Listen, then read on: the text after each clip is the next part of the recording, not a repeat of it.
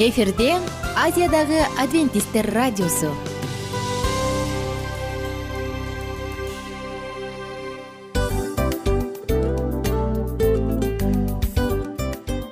Достор салют. Баардык сүйүктүү угармандарыбызга салам айтабыз. Кутман күнүңүздөр менен. Ден соолук өмүрдүн булагы демекчи саламат саамы программасында баарыңыздарды көргөнүбүзгө абдан кубанычтабыз. Анда алгач амандашып өтөлү арбаңыздар деп. Ден соолугуңуздар кандай элибизде көбүнчө ден соолук кандай дегенде эле жакшы деп жооп беребиз э? ооруп турсак дагы жакшы дейбиз. Анан мен муну айтып ойлойт элем бул абдан сонун сөз депчи анткени бул жакшы деген үмүт да э ооба баары жакшы болот. Баары сонун. Деп үмүттөнүп атып эле өзүбүздү өзүбүз дарылап коебуз. Анысы кандай? Сиздин дагы ден соолугуңуз жакшы беш деген үмүттөбүз чындыгында ден соолук бул өмүрдүн булагы деп бекеринен айтылган эмес деп ойлойм. Кыргыз элинде анткени эгерде ден соолук жок болсо анда адамдын жашоосунда калган баардык керектүү маңыздуу нерселер өзүнүн баалуулугун жоготуп коет. Ошондуктан ден соолук бул эң керектүү нерсе. Ооба туура айтасың кесиптешим чынында ден соолугуң жок бир эки үч күн ооруп калсаң эле э кандай болуп калат? Жашоодо көз каранды болуп каласың көп нерсеге жетишпей каласың көп нерсени кыла албай каласың жада калса эшикке дүкөнгө да чыга албай каласың. Туптуура анан ден соолук болсо демек биз биздин бактыбыз тоодой деп койсок болот. Анда достор саламат рубрикабызды баштайлы. Алдыда өзүңүзгө керектүү болгон сонун кеңештерди уга аласыздар. Мына ошондуктан биз менен бирге болуңуздар. Ал эми биз болсо милан жана айнура. Кеттик алга. Алга саламат саама ден соолуктун жарчысы. Саламат саама ден соолуктун ачкычы. Күн сайын сиз үчүн мыкты кеңештер сонун жаңылыктар кызыктуу фактылар биздин рубрикада.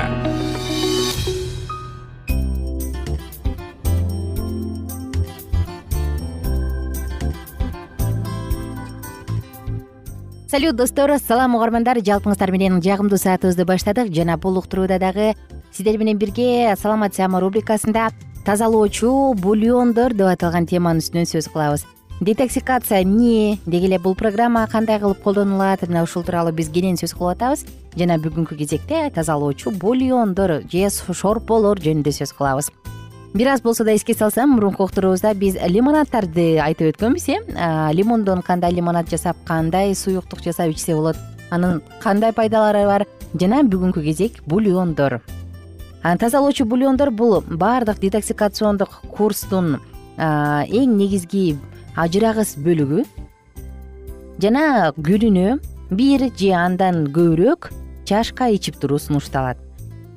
Тазалоочу бульондордун рецепттери абдан эле кеңири бирок алардын баардыгынын бир жалпылыгы бар. Буларда жалаң өсүмдүктөр пайдаланылат жана сөзсүз түрдө анда пияз селдерей кошулат. Анткени алардын баардыгы тең тазалоочу эффектке. ээ жана башка толтура азыктарды тагыраак айтканда мөмө жемиш жашылчаларды кошсо болот. Тазалоочу бульон көптөгөн жашылчалардан бышыра берсе каалаганынан бышыра берсе болот эң негизгиси алардын баардыгынын дарылык касиети бар жана бири бири менен жакшы алышышы керек. Кааласаңыз мындай бульонго сиз пияз сельдерейден тышкары дагы башка нерселерди кошуп койсоңуз болот биз болсо сизге бир тазалоочу бульондун рецепти менен бөлүшөлү анда керектүү ингредиенттер. Эки порция үчүн ар бири эки жүз элүү миллилитрден бир литр суу керек.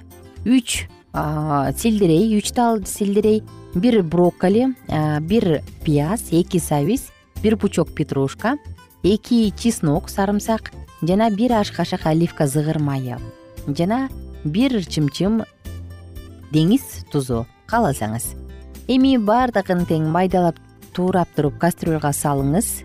Суу менен куюңуз үстүнө. Андан кийин суунун жарымы кеткенчекти жакшынакай кылып кайнатып алыңыз. Акырын жай отто. Андан соң баардыгынан сузуп алыңыз дагы болду бульонду бере берсеңиз болот. Мындай бульон адамды тазалайт. Зараркыбалоочу касиети бар жана минералдаштыруучу касиети зор тазалоочу бульонду ысык дагы муздак дагы өзүңүздүн каалаган түрүңүзгө каалашыңызча иче берсеңиз болот.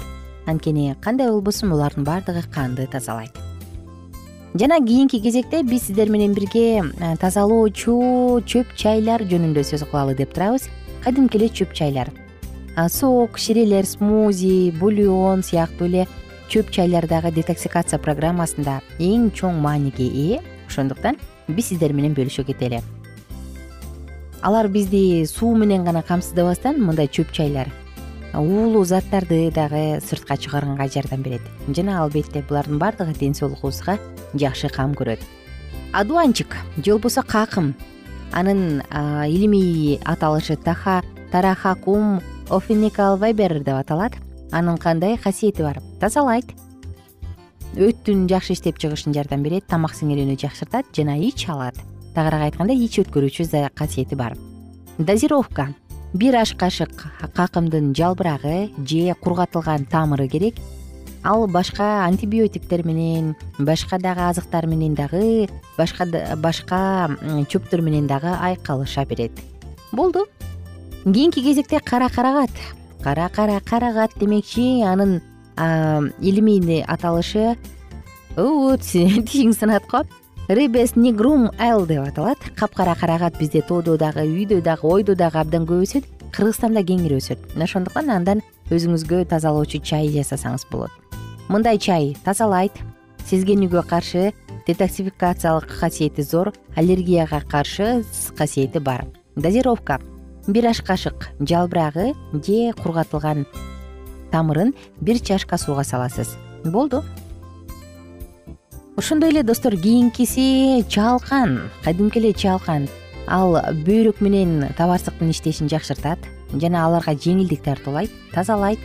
Э, бир аш кашык кургатылган жалбырагын чалкандын бир чашка сууга саласыз дагы болду иче бересиз. Жана хвощ хвощ жөнүндө да сөз кылышыбыз керек. Кан зара кубалоочу мыкты касиети бар тазалайт. Бир аш кашык жалбырагын кургатылган же болбосо тамырын бир чашка сууга саласыз. Болду сонун шире даяр чай даяр.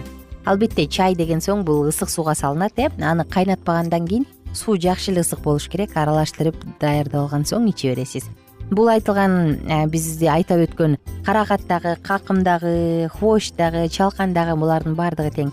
Кыргызстанда кеңири өсөт кеңири таркалган өзүңүзгө жакканын тандап алып туруп ден соолугуңузга кам көрсөңүз болот мына ушундай достор биз сиздер менен бирге сонун маалыматтарды бөлүшүп жатабыз. Жана сонундардын сонуну болгон тазалоочу бульон лимонад э, чөп чайлар баардыгын тең колдонуп өзүңүздүн ден соолугуңузга кам көрсөңүз болот. Бир аз болсо да эске сала кетсем детоксикациянын пландары варианттарын айтканбыз э үч күндүк детоксикация бар деп ал детоксикацияда сөзсүз түрдө программанын ичине тазалоочу бульондор дагы чөп чайлар дагы лимонаддар дагы кирет алмаштырып алмаштырып ичүү бар. Анда сиз биз күнүмдүк тамактануунун төрт жолкусунун бирөөсүнүн ордуна лимонад ичебиз же бульон ичип коебуз же чөп чай ичебиз.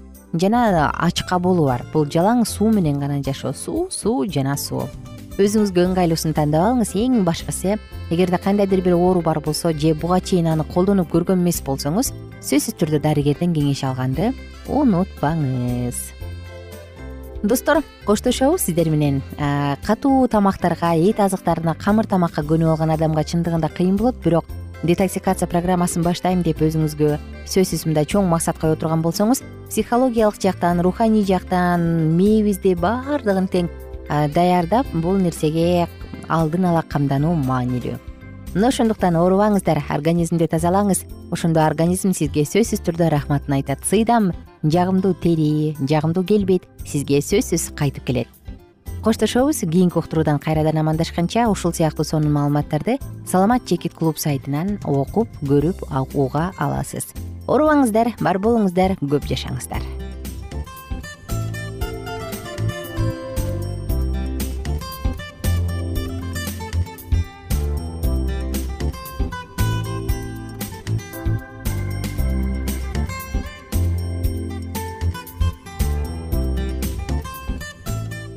кененирээк маалыматтар үчүн үч w чекит саламат чекит клуб сайтына келип таанышыңыздар.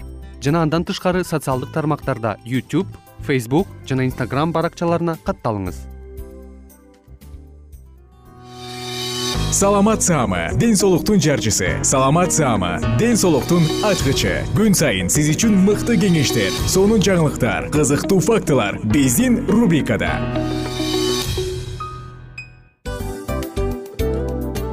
салам достор. Кайрадан биздин сүйүктүү рубрикабызга кош келиңиздер деп айтмакчыбыз.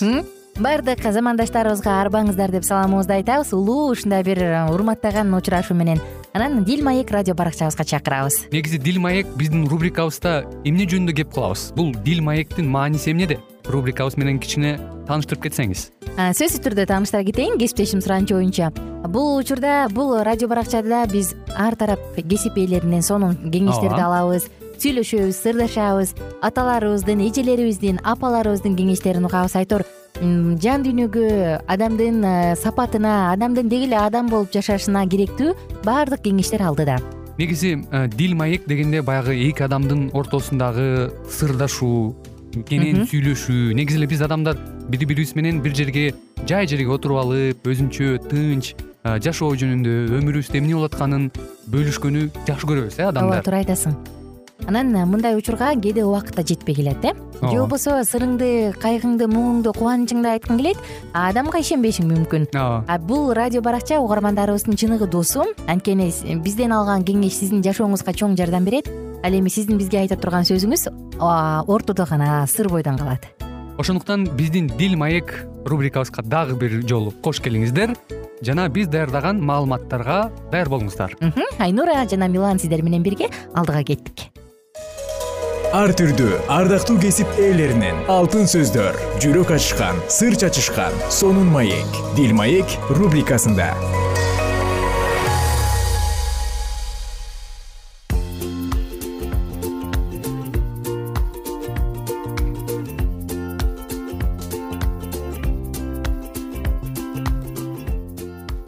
кутмандуу кушубак күнүңүздөр менен салют достор. Баарыңыздарга сагынычтуу салам айтып кайрадан дил маек рубрикасындабыз. Бул рубрика сиздер үчүн сонун маалыматтарды тартуулайт деп кепилдик бере алам. Биз бул учурда акыркы уктурууларыбызда махабат күнөө болушу мүмкүнбү? деген сонун циклды баштап ошонун тегерегинде сөз кылып атканбыз. Жана соңку темабыз менин үйлөнүүм кудайдын эркиби? деген тема болчу. Кайсы учурда адам үйлөнбөй кое алат же койсо болот? Кайсы учурда үйлөнөт мына бул тууралуу сонун маалыматтарды айтканбыз. Анан эсиңиздеби мурунку уктуруубузда биз джон веслинин айткан ойлору менен аяктаганбыз. Бүгүн биз ошол тууралуу андан ары уланталы бир аз түшүнүктүүрөөк болуш үчүн джон весли өзүнүн күндөлүгүнө эмне деп жазган? Мына ошондон баштайлы. Бир миң жети жүз элүү биринчи жылы күндөлүгүнө ал мындай деп жазган. Кудайга жакшыраак кызмат кыла алам деген ой менен көптөгөн жылдар бою үй бүлө күткөн жокмун ошондой кылууга күч бергени үчүн кудайды даңктайм. Бирок азыр үй бүлөлүү адам катары кудайга мурдагыдан да жакшыраак кызмат кыла алам деп эсептейм. Ушундай ойго келип досторумдун кеңешин туура көрүп бир нече күн мурун үй бүлө курдум. Ал бай соодагер жесир аялга үйлөнгөн кийинчерээк ал аял жыйындын тарыхына сасык күзөн деген ат менен кирген күйөөсүнүн жашоосун азапка айландыруу үчүн ал колунан келгендин баарын кылган. Мисалы аны кызганганынан бөлмөдө ары бери чачынан сүйрөчү экен. Анын кадыр баркын түшүрүү үчүн жеке адамдарга жазган каттарын жарыкка чыгарчу экен. Жыйырма жыл чогуу жашагандан кийин ал күйөөсүн таштап кеткен. Күйөөсү бул жөнүндө күндөлүгүндө мындай деп жазган.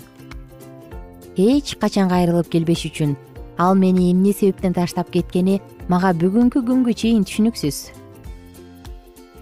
Мен аны таштаган жокмун мен аны кууган жокмун мен аны кайра алып келбейм. Эгерде бул адам досторунун кеңештерин укпаса өзүн ушундай азаптарга кыйынчылыктарга дуушар кылмак эмес. Ошого карабастан аялы кааласа каалабаса да күйөөсүнүн үйдө көп убакыт отурганга чыдай албай ат минип алып үч жүз сексен миң чакырым жол жүрүп элүү жыл ичинде элүү миңге жакын насаат айтуусуна өбөлгө түзүп берип койгон. Төртүнчү апрель бир миң жети жүз кыркынчы жыл. Бул дүйнөдө сүйүү деп аталган аңкоо кумардан бош болгонум үчүн. Эгерде мен өз жүрөгүмдү бир аз болсо да түшүнө алган болсом анда кудайга ыраазымын деген катты жазган джордж уайтфилд үйлөнбөй эле койсо жакшы болмок. Анын эки континенттеги талыкпаган кызматы үй бүлөлүк бакытка ээ болууга укук берген эмес үйлөнгөндөн кийин гилберт теннет деген досуна мындай кат жазган ал. Жашылап уксаңыз абдан кызык. Мындан он бир жума мурун жакында эле жесир калган көптөн бери үй кызматчысы болуп иштеп жүргөн отуз алты жаштагы аялга кудайдын коркунучу менен үйлөндүм.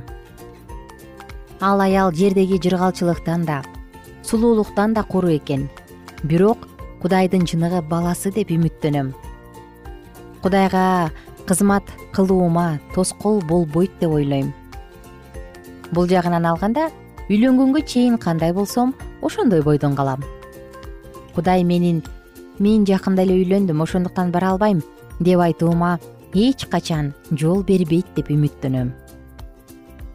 Ошол доорду баяндап жазган тарыхчынын төмөнкү сөздөрүн туура эмес деп айтуу ашыктык кылар. Үйлөнгөндөн кийин байкуш чарлиз таптакыр байланып калды акылман устат ырайым кылып чыныгы эки үй ажыдаарын жибербегенде джон весли менен джордж уайлдфилд бузулуп кетишмек. Жүз жыл кийин жашаган джон нельсон дарбинин кыз жигит жарыялануу тарыхы таптакыр башкача болгон. Ал ардактуу айым пауэрцкарт менен никелешүүнү ниет кылып жатканда дублин шаарындагы бир туугандар теңирге бул никени токтотушун сурап сыйына башташкан дарбини кудай өз ишинде аябай көп пайдаланып жатканын көргөн алар бул кызматта аял ага жолтоо болот деп чочулашкан. Көп өтпөй экөө өз ара макулдашып үйлөнбөй калышкан. Дарбинин сексен бир жашында жаңы үйлөнгөн бирөөгө жазган саптарын толкунданбай окуу мүмкүн эмес. Мындай. Сенин эми жардамчың бар. Мен болсо өмүр жолумду жалгыз басып өттүм. Бирок мунун баардыгы анын ырайымы менен ишенимдүүлүгүн бир караганымда эле унутулуп калды. Төмөнкү каттын негизинде кыз жигит жарыялануу демилгесин айым пауэрцкарт көтөрсө керек деп жыйынтык чыгарууга болот. Менин оюмча дейт ал. Сени сүйгөн бирөөнүн капа болуп калуусуна себепкер болгонуң сен үчүн кымбат адамдын бактысы сенин ооба же жок деген жообуңа көз каранды болгон учурда өзүңдүн артыңа жакшылыкты билбегендиктин жана таш боордуктун таасирин калтырганың. Бул чөлдө жашаган адамдын сенин айыңдан бактысыз болуп калганын билип туруп аны сооротууга аракет да кыла албаганың. Теңирдин бизге күнөөкөрлөргө жиберген соккуларынын ичинен эң оору болсо керек. Бул өтө оор айрыкча түбөлүктүү эч качан деген сөз кошумча болгондо өтө оор тиет экөө тең теңирге абдан жакын болушкандыктан өздөрү үчүн башка жол дайындалганын. Ал жол экөөнө тең өтө оор болоруна карабастан ал жолдо кудайга көбүрөөк пайда алып келе алышаарын түшүнүшкөн алар баарынан мурда кудайдын падышачылыгын издешкен жана теңир үчүн жашоодо эмнеден баш тартышса ошонун баардыгы үчүн чоң сыйлык алышкан. Бирок сөзсүз эле үйлөнгөндөн кийин теңирге кызмат кылуу активдүүлүгү төмөндөп кетпей тургандыгын жыйындын тарыхындагы көптөгөн мисалдар тастыктап турат. Хадсон менен мария тейлор чарльз менен мария стат джордж менен мария мюллер жана дагы көптөрдүн жашоосу теңирдин ишине бактылуу нике жолтоо болбой тургандыгын тескерисинче чоң жардам болгонун далилдейт бул мисалдар жашоодогу өтө маанилүү ушул көйгөйдү туура чечүү зарыл экендигин түшүнүүбүз үчүн гана олуттуу. Чын жүрөктөн сыйынуу аркылуу кудайдын эркин билүүбүзгө түрткү бериш үчүн гана келтирилди. Мына ушундай достор кийинки уктуруубузда биз өмүрлүк жар тандоо жөнүндө эң эле маанилүү нерсе жөнүндө сөз кылабыз. Мен өзүм көп айтам адамдын жашоосу эки бөлүктөн үйлөнгөнгө чейин үйлөнгөндөн кийин турмушка чыкканга чейин турмушка чыккандан кийин деп гана бөлүнөт жана кимди тандасаң ошол жашооңдун экинчи бөлүгүн сөзсүз түрдө агымын аныктайт деп. Ошондуктан кийинки темага баарыңыздарды кош келиңиздер деп чакырам. Азырынча болсо сиздер менен коштошом. Кайрадан амандашканча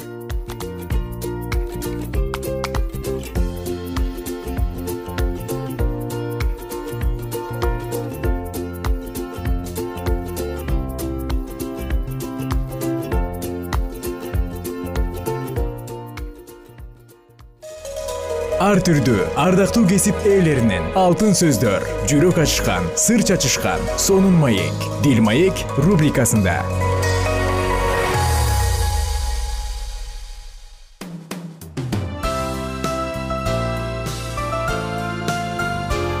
Эфирде азиядагы адвентисттер радиосу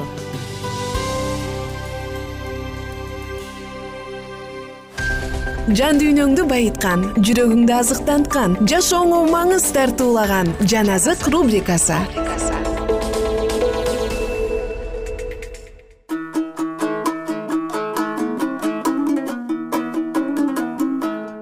Арбаңыздар ала тоону аркалаган жалпы кыргыз элим жалпы журтубузга салам айтып сиздер менен жагымдуу учурубузду баштадык. Достор маанайыңыздар сонунбу бүгүнкү күн бүгүнкү убакыт сиз үчүн кандай өтүп жатат?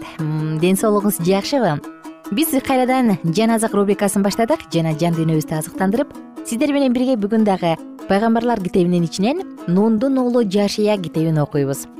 Достор мурунку уктурууда биз керемет болгон окуяны айтканбыз окуганбыз э? Алар келишим сандыгын алып өткөнчө ысрайыл эли толук өткөнчө иордан дарыясы экиге бөлүнүп кургап турган. Эми иордан өткөндөн кийин жалпы бул ысрайыл уулдары ысрайыл эли жерихону багындырыш үчүн бара жатышат. Окуяны андан ары улантабыз. Жолдон алар токтоп нундун уулу жашия баардык ысрайылдыктардын эркектерин сүннөткө отургузду. Анткени бул аралыкта кырк жыл өткөндүктөн жаңы муун сүннөткө отургузула элек болчу. Алар айыкканча өз станында калды. Эми бүгүн андан ары улантабыз нундун уулу жашия бешинчи бөлүм тогузунчу аяттан ары. Анан теңир жашияга мындай деди. Бүгүн мен силерден мисирдеги маскаралыгыңарды алып салдым. Ошол себептүү ал жер бүгүнкү күнгө чейин гилгал деп аталат. Ысрайыл уулдары станы менен гилгалда турушту да айдын он төртүнчү күнү кечинде жерихо түздүгүндө пасах майрамын өткөрүштү пасахтын эртеси бул жердин жемиштеринен жей башташты. Ачыткысыз нан менен куурулган даанды дал ошол күндөн баштап жей башташты. Алар бул жердин жемиштеринен жей баштаган экинчи күндөн тартып асмандан манна түшпөй калды. Ошондон баштап ысрайыл уулдарына манна болгон жок. Бирок ошол жылы алар канаан жеринен жемиштеринен жешти. Жашия жерихого жакын жерде турган эле. Анан ал башын көтөрүп караса колунда жалаңдаган кылычы бар киши турган экен. Жашияны жанына келип биздин кишисиңби же душмандардансыңарбы деп сурады. Ал мындай деп жооп берди. Жок мен теңирдин кошуундарынын жол башчысымын эми бул жерге келдим. Ошондо жашия жерге жүз төмөндөп жыгылып таазим кылып андан менин мырзам өз кулуна эмне дейт? деп сурады теңир кошуунунун жол башчысы жашияга мындай деди. Бутуңдагы бут кийимиңди чеч анткени сен турган жер ыйык жер жашия ошондой кылды. Жерихонун эшиги жабылды. Ысрайыл уулдарынан корккондуктан анын эшигин жаап коюшту. Андан эч ким чыккан да жок ага эч ким кирген да жок алтынчы бөлүм. Ошондо теңир жашияга мындай деди. Мына мен жерихону анын падышасын жана андагы эң күчтүү адамдарды сенин колуңа салып берип жатам. Согушка жарактуулардын бардыгы шаарды курчап аны күнүнө бир жолу айланып чыксын. Алты күн ошенткиле жети кызмат кылуучу кочкордун мүйүзүнөн жасалган жети сурнайын келишим сандыгынын алдында алып жүрсүн. Жетинчи күнү болсо шаарды жети жолу айлангыла ыйык кызмат кылуучулар сурнай тартышсын кочкордун мүйүзүнөн жасалган сурнай тартылганда сурнай үнүн укканыңарда бүткүл эл жер жаңырта кыйкырык салсын. Ошондо шаардын дубалдары түбүнө чейин урайт. Бүт эл алардын ар бири турган жеринен шаарга бет алсын. Нундун уулу жашия ысрайылдын ыйык кызмат кылуучуларын чакырып аларга мындай деди. Келишим сандыгын көтөрүп жүргүлө жети ыйык кызмат кылуучу болсо теңирдин келишим сандыгынын алдында кочкордун мүйүзүнөн жасалган жети сурнайды көтөрүп жүрсүн. Анан элге кайрылып мындай деди. Баргыла шаарды айланып чыккыла. Курал жаракчандар болсо теңирдин келишим сандыгынын алдында жүрүшсүн жашия элге ушинтип айткандан кийин теңирдин алдында кочкордун мүйүзүнөн жасалган жети сурнайды көтөрүп жүргөн жети ыйык кызмат кылуучу сурнайларын тартты. Алардын артынан теңирдин келишим сандыгын көтөрүп жөнөштү. Курал жаракчандар сурнай тарткандан ыйык кызмат кылуучулардын алдына түшүштү. Келишим сандыгынын артында бара жаткандар сурнайларын тартып бара жатышты. Жашия элге мындай деп буйрук берди. Кыйкырбагыла үнүңөрдү эч ким укпасын. Мен силерге кыйкыргыла демейинче оозуңардан сөз чыкпасын. Буйрук берген күнү гана жапырт кыйкыргыла. Ошентип теңирдин келишим сандыгы шаарды бир айланып чыкты. Алар станга келип ошол жерде түнөштү. Экинчи күнү жашия эртең менен эрте турду. Ыйык кызмат кылуучулар теңирдин келишим сандыгын көтөрүп жөнөштү. Теңирдин сандыгын алдында кочкордун мүйүзүнөн жасалган жети сурнайды көтөрүп жүргөн жети ыйык кызмат кылуучу сурнайларын тартып бара жатышты. Курал жаракчандар алардын алдында калган эл теңирдин келишим сандыгынын артында сурнай тартып бара жатышты. Андан кийинки күнү да шаарды так ошондой эле бир айланып станга кайтып келишти. Алты күн бою ошентишти.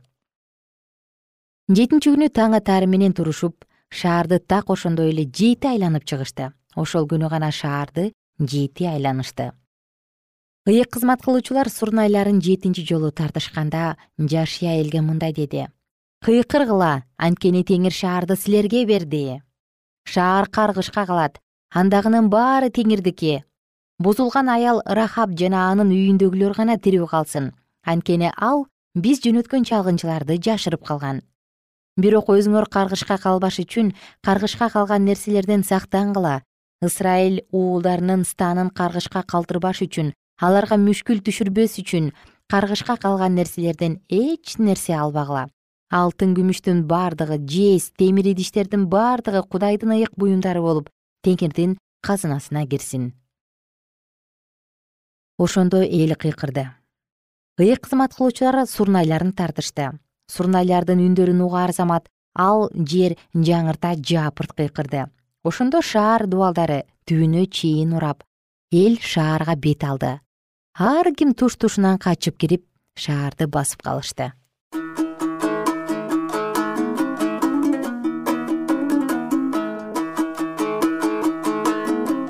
Абдан кызык окуя э карачы? Элестетип көрсөң жети күн айланып жүрөт. Шаарды сыртынан жетинчи күн дегенде баары кыйкырганда дубалдар өздөрүнөн өздөрү эле кулап калып атат окуя андан ары эмне болот? Кийинки уктурууда чогуу улантабыз. Ага чейин сак саламатта туруңуздар эгер сиздерде суроолор болсо же көбүрөөк маалымат билем десеңиз анда биздин whatsapp номерибизге жазыңыз. Плюс бир үч жүз бир жети жүз алтымыш алтымыш жетимиш. Кайрадан плюс бир үч жүз бир жети жүз алтымыш алтымыш жетимиш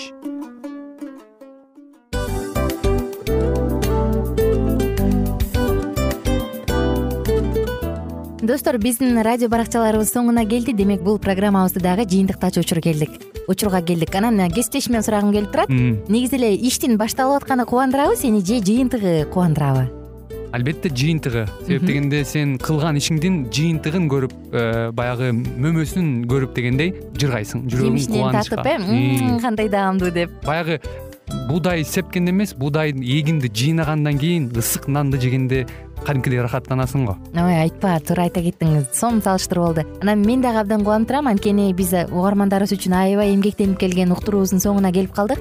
Анан эми э, уктуруубуздун соңунда угармандар кандай пайда алып калды экен деп күтүп турам да. Балким э, менин жашоомо өзгөрүү киргизе турган сонун сөздөр болду. Мен ушул нерсени изилдеп анан кабыл албасам ушул нерсени кылбасам деген чечим чыгарсаңыз анда биз абдан кубанычтабыз. Сөзсүз түрдө андыктан кийинки биздин кызыктуу уктурууларыбыздан көрүшкөнчө сак саламатта калыңыздар. Чыдамсыздык менен сиздерди мен милан жана кесиптешим айнура күтөбүз. Баардык угармандарыбызга ийгиликтүү күн каалайбыз. Качан гана болбосун уртуңуздан жылмаюу кетпесин үйүңүздө көмүр жүрөгүңүздө көңүл болсун дейли